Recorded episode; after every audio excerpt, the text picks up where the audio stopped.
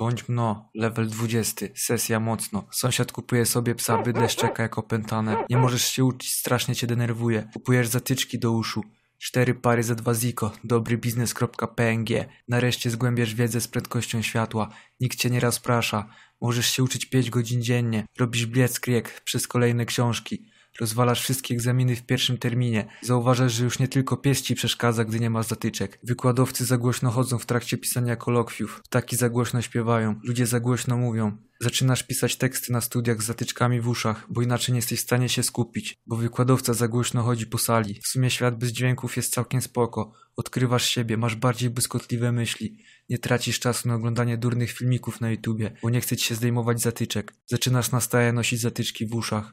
Uczysz się języka migowego, bo w sumie jednak chciałbyś z kimś pogadać. W kolejnym roku na studiach wmawiasz wykładowcom, że jesteś głuchoniemy. Koledzy ze studiów po prostu akceptują twoją fanaberię. Po jakimś czasie większość ludzi na roku kojarzy cię właśnie z tego, że nie mówisz, a migasz. Organizacja studencka związana z twoją uczelnią prosi cię, żebyś został ambasadorem ich akcji charytatywnej, w której zbierają pieniądze na pomoce dydaktyczne dla szkoły dla głuchoniemych. Organizatorka tej akcji to solidne 8 na 10. Zgadzasz się immediately. Siostra organizatorki jest głuchoniema, więc dziewczyna zna dobrze język migowy.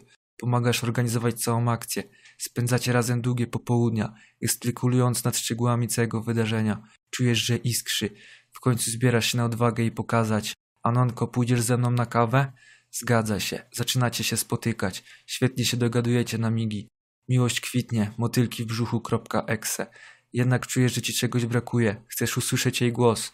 Głos swojej prawdziwej miłości. Organizujesz kolację przy świecach. Siedzicie naprzeciw siebie, wpatrzeni sobie w oczy. Mówisz jej, że nadszedł przełomowy moment w waszym związku i wyjmujesz zatyczki z uszu.